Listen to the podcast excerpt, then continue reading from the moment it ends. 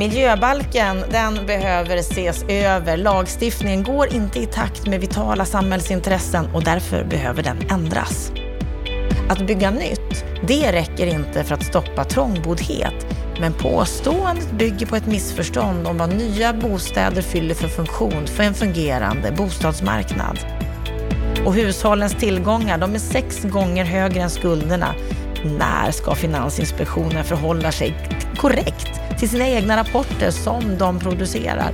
Det här undrar vår expertkommentator Lennart Weiss som du alldeles strax ska få höra här i veckans Aktuellt. Bopolpoddens nyhetsmagasin som vi sänder varje fredag med det senaste under veckan. Jag heter Anna Bellman. Varmt välkommen!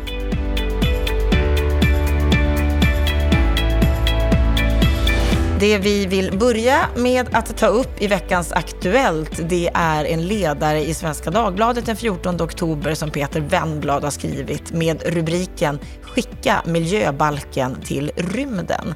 På grund av cementkrisen så har de flesta partier kommit fram till att miljölagstiftningen behöver ses över. Det är en underdrift som heter duga, menar han. Vad säger du om det här, Lennart Weiss? Ja, alltså Peter Wemblad håller på att bli en av mina nya favoriter när det gäller ledare. Han, eh, han är lite kul också. Han skriver i sin Twitter-signatur, han kallar sig för pop-taliban från Gotland. Jag undrar vad man lyssnar på då, är det smaklös eller vad är det för någonting? Han skriver i varje fall som en pop-taliban. Mustigt, eh, drastiskt och med väldigt tydliga poänger. Och i det här fallet så, så jag kan jag bara hålla med honom till 100 procent. Han beskriver ju miljöbalken som samhällsfarlig. Och, och gör det med, mot bakgrund av eh, att eh, juristerna uppe i Umeå, mm, ska se vilken domstol det nu är, jag tror det är Mark och miljödomstolen, har alltså underkänt en ansökan ifrån LKAB om att få bedriva utöka brytningen i en fyndighet som de har hållit på med sedan slutet av 1800-talet. De måste alltså söka tillstånd för en verksamhet som de redan bedriver. De kan fortsätta med nuvarande volymer, men de kan inte utöka den med hänsyn till ett formfel. I samband med att man hade samråd för den här utökade brytningen 2015 så hade man inte direkt vänt sig till de boende i Kiruna som råkar ha bergvärme.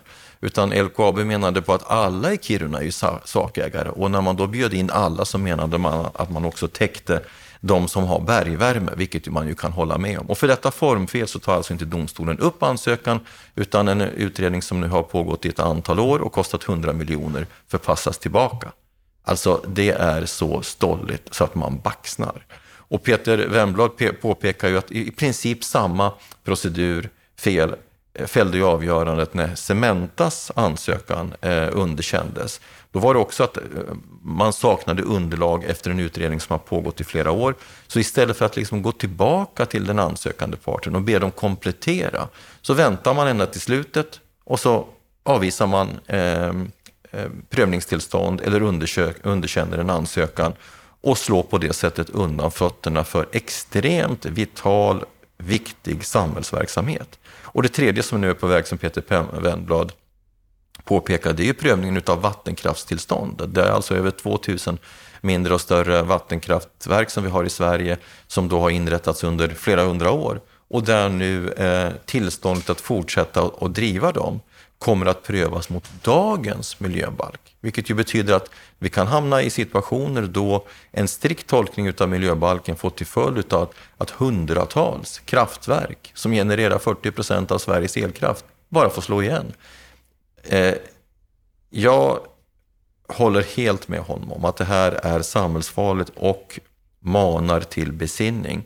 Miljöbalken är uppenbart eh, skriven alldeles för strikt utan hänsyn tagen till de målkonflikter som alltid finns i den här typen av frågor. Här har uppenbarligen politikerna gett alldeles för mycket lina åt Sverige, landets jurister och, och människor med en, en, en eh, miljöaktivistisk eh, läggning. Och, och, här krävs det helt enkelt ett omtag, annars kommer det gå käpprätt åt helvete. Det han avslutar sin ledare med det är att han citerar en del i miljöbalkens portalparagraf som lyder så här, att bestämmelserna i denna balk syftar till att främja en hållbar utveckling. Och så säger han då själv att den istället har åstadkommit det motsatta, säger en del om hur genomgripande förändringar som nu blivit direkt livsnödvändiga. Och som rådet lyder vid misstanke om hjärtinfarkt, patienten måste snabbt till sjukhus. Helt korrekt. Bra sammanfattning. Vi ska gå vidare till en artikel i Hemhyra som tar upp en ny rapport som två forskare, det är Martin Grander och Matilda Sandberg vid Malmö universitet, de har detaljgranskat levnadsvillkoren i Malmös miljonprogram och sagt att bygga nytt, det räcker inte för att stoppa trångboddhet. Att bygga nya och större hyresrätter, det räcker inte för att stoppa trångboddheten i Malmö. Det är vad den här rapporten slår fast. Att de som bor trångt idag, de kommer ändå inte ha råd att betala hyran där. Kommunerna kan inte lösa problemet med trångboddhet på egen hand. Det måste upp på en nationell nivå, menar man. Och så berättar om att begreppet trångboddhet i sig, det bygger på olika boendenormer. Att kommunala MKB i Malmö, som har delfinansierat den här nya rapporten, de sänkte nyligen sina krav för hur många personer som får bo i vissa lägenhetstyper. Och rapportförfattarna då, de beskriver det här som att en trångboddhetsnorm från 1940-talet har växt till liv, alltså en standard som övergavs, men med de breda reformerna inom social och bostadspolitik på 1960 och 1970-talen. Vad säger du om det de har kommit fram till här, Lennart?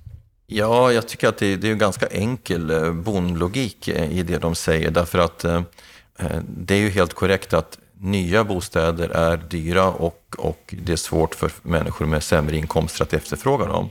Och samtidigt så kan man säga att hela det konstaterandet eh, Bakom det konstaterandet så ligger ett samband i bostadsdebatten som, som är väldigt ofta missförstått. För hur ofta, Anna, du som modererar eh, många seminarier, hur ofta har du inte hört påståendet från politiker, debattörer, eh, opinionsbildare säga vi bygger inte bostäder som dagens människor har råd att bo i. Det säger man ju vanemässigt. Jag vill bara påpeka att det har vi aldrig gjort. Vi har aldrig byggt nya bostäder som människor med låga inkomster har råd att bo i idag. Och jag fick en intressant påminnelse om det inför ett seminarium som, som du modererade då för ett par veckor sedan, Stora bostadsdagen, där jag var med och pratade om partiernas bostadspolitik. Jag, jag letade efter eh, det här berömda citatet från 66 års valrörelse när Elander manar ett ungt par att de får väl ställa sig i bostadskön, men råkade komma in i 68 års valrörelse där samma reportrar öppnar med samma fråga till Elander och då är han ju påläst. Och då får han ju då en fråga som rör de höga boendekostnaderna och då påpekar han det helt korrekta att de bostäder som vi bygger idag bygger vi ju inte eh, i en generell mening för människor med dagens inkomster. Vi bygger dem för människor med morgondagens inkomster. Rätt så. Tänk om dagens bostadspolitiker och opinionsbildare kunde fatta detta. Att det vi tillför på marginalen, det ska ha en sån standard att det är attraktivt att flytta dit för människor som har goda inkomster. Sen kommer den löpande inkomstutvecklingen ihop med, med, med eh, allmän välståndsutveckling, inflation och annat gör att de här bostäderna som var dyra idag, de kommer att uppfattas som ganska eh, humana om några år. Och det är i sin tur ett, ett, argument för varför man i en kommun ska ha en jämn och stabil bostadsproduktion. För då kommer du ha bostäder av olika årsringar. Det vill säga äldre bostäder med lägre hyror, eh, nyare med högre eh, hyror men också högre standard. Och sen rustar du äldre och då har det här som du byggde eh, för, för 20 år sedan och som var dyrt då, bli, få en relativt sett lägre boendekostnader. Det här sätter liksom ett grundläggande missförstånd i fokus och, och jag kan hoppas att den här utredningen kan leda till den slutsatsen. Det är inte så att du bygger nytt för att de med de sämsta inkomsterna och de svåraste omständigheterna ska lösa sitt bostadsbehov. Du bygger dem för, ja ursäkta, dig och mig Anna, och att vi ska flytta för, eh, till den här sortens bostäder och genom flyttkedjor lämna plats för lite äldre, slitna bostäder till de som har råd. Det är så man liksom formar en fungerande bostadsmarknad. Om de här forskarna fångar det eller inte vet jag inte. Påståendet som sådant är banalt och om du bygger på påståendet eh, eller antagandet att eh, vi ska bygga nya bostäder för, för människor med låga inkomster och trångboddhet, då skulle jag säga att då är det omöjligt. Det leder till en annan frågeställning. Är det liksom bostäderna som är för dyra eller är det människors inkomster som är för dåliga? Det är två olika saker för att spegla samma problem. Och jag skulle säga att i generell mening så är det människors inkomster som är för låga. Det vill säga, det måste alltså till politik för att stötta de svaga grupperna. Och hur löser vi det? Det finns något som heter bostadsbidrag. Och det var det som var det stora bostadspolitiska verktyget på den tiden när vi byggde väldigt mycket bostäder i Sverige. Vi, vi, vi klarade inte av att bygga billiga bostäder då heller. Det har vi aldrig lyckats göra. Och om jag någonstans kunde få folk att begripa detta enkla samband så skulle hela bostadsdebatten avlövas av en massa dumheter och, och, och eh, felaktiga premisser för hela samtalet. Det de säger här det är ju att kommunerna inte kan lösa det här problemet med trångboddhet på egen hand. Vi pratar ju ofta om att kommunerna har ett bostadsförsörjningsansvar och det har de ju. Men de menar ju här, rapportförfattarna, att, att det här måste upp på nationell nivå och det är ju där du är också med bostadsbidragen. Ja, alldeles självklart, därför att det har aldrig varit så att eh, man på en lokal nivå kan lösa svåra bostadssociala problem själv. Utan det här handlar ju, alltså, som vi har konstaterat flera gånger, både jag och Attefall, så handlar ju bostadspolitik om, om, om pengar ytterst. Det vill säga om, om människors ekonomiska villkor. Och det är ju ingen kommunalpolitisk fråga. Det är ju faktiskt en rikspolitisk fråga. Det handlar om fördelningspolitik i en grundläggande mening. Hur du beskattar och hur du fördelar ut olika typer av bidrag. Och i det här fallet så handlar det ju väldigt tydligt om bostadsbidraget och det är en statlig angelägenhet. Vi har ju till och med avskaffat de kommunala bostadsbidragen. Kom ihåg att vi hade KBT, kommunala bostadstillägg i många kommuner. Och det förstatligades så att säga på 90-talet. Man ville inte att kommunerna skulle jobba med det här, utan det var staten som skulle sörja för det. Ja, men varsågod, då ska staten ta hand om det. Men kan man inte säga ändå att bygga nytt är en lösning om vi får till flyttkedjorna? Jo, men bygga nytt är alltid bra. Det är det jag säger. Alltså att om du ska få en bostadsmarknad att fungera och, och om man i en kommun ska ha ett varierat utbud utav bostäder med hög standard, låg standard, medelhög standard och därmed också olika typer av hyror. Då måste du bygga kontinuerligt och då får du acceptera att marginaltillskottet alltid är dyrare än det som fanns för några år sedan. Men det är just det man måste fatta. Mm, vi får se om vi kan fördjupa oss i den här rapporten och i den här frågeställningen, förhoppningsvis i något måndagsprogram där vi har fördjupade samtal. Den sista nyheten som vi ska ta upp i veckans Aktuellt, det är en nyhet ifrån förra veckan, den 7 oktober, där Lars E.O. Svensson skrev på Ekonomistas. Det är alltså en sajt där nationalekonomer skriver om samhället och politiken och vetenskapen. Och där skrev han så här, varför pratar man bara om skuldberget, men inte om det mycket större tillgångsberget som växer snabbare än skuldberget? Och så refererar han till att Finansinspektionen, Riksbanken, förre finansministern Per Bolund och nuvarande finansmarknadsministern Åsa Lindhagen och de internationella organisationer som bevakar Sverige att de regelmässigt varnat för att hushållens skuldsättning är för hög eller växer för snabbt. Men så undrar han, varför ska man bara se på skuldsidan av hushållens balansräkning? Ja, han går till angrepp här. Ja, och han gör ju det, det med, med, en kolossalt välskriven och pedagogisk text som jag uppmanar alla som håller på med bostadspolitisk diskussion och är intresserade av den här frågeställningen om olika fördelningsproblem, kreditrestriktionernas konsekvenser och så vidare att läsa. Han har egentligen skrivit två inlägg. Han skrev först ett inlägg för ytterligare ett par, tre veckor sedan där han uppdaterade sin argumentation och sin kritik mot kreditrestriktionerna. Den berörde vi lite kort i en veckans Aktuellt eh, då, för, för den tiden då. Eh, men den här uppdateringen, den är ju tycker jag är ännu mer spännande därför att den går på djupet med den helt centrala frågeställningen. Det vill säga, är det så att hushållens skulder i förhållande till disponibla inkomster eh, växer alldeles för snabbt och är det så att, att hushållen Eh, inte kan hantera sina löpande betalningar, framförallt räntebetalningar. Och han tar ju död på båda de påståendena på ett väldigt effektivt sätt. Och han gör ju det, han börjar ju just i, i det som du refererar, där han alltså ställer hushållens skulder, jag kallar det, väljer att kalla det för lån, i förhållande till tillgångar. Därför att när man förändrar eh, ordvalet på det sättet eh, och säger lån, då, då för man in ett element om varför alltså, då för man in ett element där man förklarar varför lån är en del av ett fungerande samhälle. Jag menar, innan vi hade en penningekonomi och vi bytte varor och tjänster med varandra, då var tillväxten väldigt låg. Krediter, det är liksom ett grundläggande sätt att jämna ut inkomster över tid, men det är också ett sätt att, så att säga, eh, konsumera i förskott och på det sättet skapa tillgångar som gör att vi dynamiskt får en tillväxt i hela ekonomin. Så att skulder är per definition bra om de används på ett produktivt sätt. Och att bo är ett del av den produktiva ekonomin. Det är så vi liksom kan omlokalisera och, och, och, och flytta till jobb och så vidare. Det han nu, nu konstaterar, det är att förhållandet mellan skulder och tillgångar har vuxit. Eh, och, och, och närmar sig nu sex gånger. Alltså sex gånger, hushållen har sex gånger högre tillgångar, större tillgångar än skulder. Och det är extremt viktigt, därför att Eh, det betyder att den grundläggande soliditeten hos, hos hushållen har, har stärkts. Men då ställer han ju då frågan, är det ett problem? Eh, eller rättare sagt, han pekar på att Riksbanken ständigt jämför skulderna i förhållande till hushållens eh, disponibla inkomster och så refererar han då till den, den, eh, den figur som man ofta visar upp där hushållens eh, skulder i förhållande till disponibla inkomster har fördubblats sedan 1990-talet. Och, och, det jag ju själv brukar påpeka när jag lyfter fram den bilden, att det, bilden är ju närmast ett statistiskt falsarium. Därför det man har gjort är att man har tagit alltså på bottenpunkten av finans och fastighetskrisen på 90-talet och bortse från att vi hade en prisökning på 80-talet. Drar man trendlinjen tillbaka, då kan man se att över tid så har alltså hushållens skulder i förhållande till disponibel inkomst ökat linjärt ifrån 1950-talet fram till idag med ungefär 2% per år. Det är alltså en naturlig utveckling i ett samhälle som har en ekonomisk tillväxt. Så det där är liksom ett retoriskt trick som man tar till som jag tycker är oetiskt utav Riksbanken och Finansinspektionen.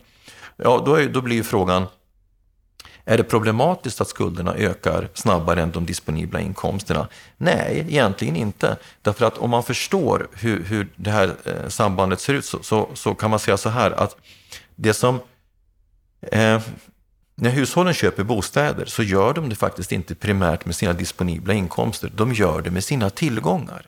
Det vill säga det är med de tillgångar du har tillbaka i tiden, realtillgångar, sparande och vad det nu är. Det är så du köper din bostad. Däremot så har ju de disponibla inkomsterna betydelse för din förmåga att betala hushållets löpande utgifter, det vill säga boendets löpande utgifter. Och om, om, om, om hushållens förmåga att betala de löpande utgifterna är konstant eller ökande, då uppstår inget problem. Utan då kan man säga att med stigande till, eh, skulder eh, och, och Eh, förlåt, stigande tillgångar, då får ju hushållen hela tiden eh, en större förmåga att så att säga köpa nya bostäder. Eh, så de här två sakerna måste liksom balanseras mot varandra. Eh, och det han då gör, det är att han sen går in i Finansinspektionens material och visar hur Finansinspektionens egna utredningar tillbakavisar de övergripande påståenden som görs av media och Stefan Ingves och, och Erik Thedéen. För går man till, till Eh, Eh, Finansinspektionens egna bolånerapporter, då kan man se att i varje rapport så skriver de, upprepar de samma sak, att hushållens motståndskraft har ökat, inte minskat.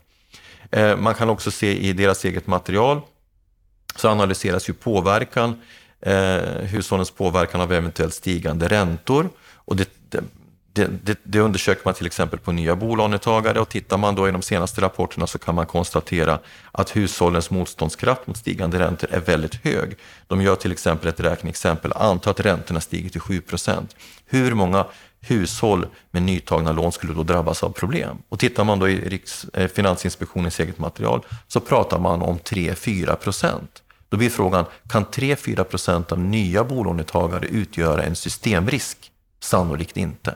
Ja, det kan möjligen utgöra en konsumentproblematik, eh, men det är en helt annan frågeställning. De diskuterar ju de här frågorna utifrån systemriskperspektiv. Man gör också en annan typ av känslighetsmätning. Man undersöker på hela stocken hur stor systemrisk skulle uppstå om arbetslösheten skulle öka eh, till 12 procent respektive vi skulle få ett boprisfall på 40 procent. Och så konstaterar man att 1-2 procent av hushållen i hela stocken skulle kunna få eh, drabbas av problem. Skulle de, den andelen hushåll kunna utgöra en systemrisk? Knappast. Så att man kan alltså med Finansinspektionens eget material se att retoriken som förs av våra ledande eh, chefstjänstemän inte håller. Sen så ställer ju då eh, eh, Lars E. Svensson frågan, ökar skulderna för fort?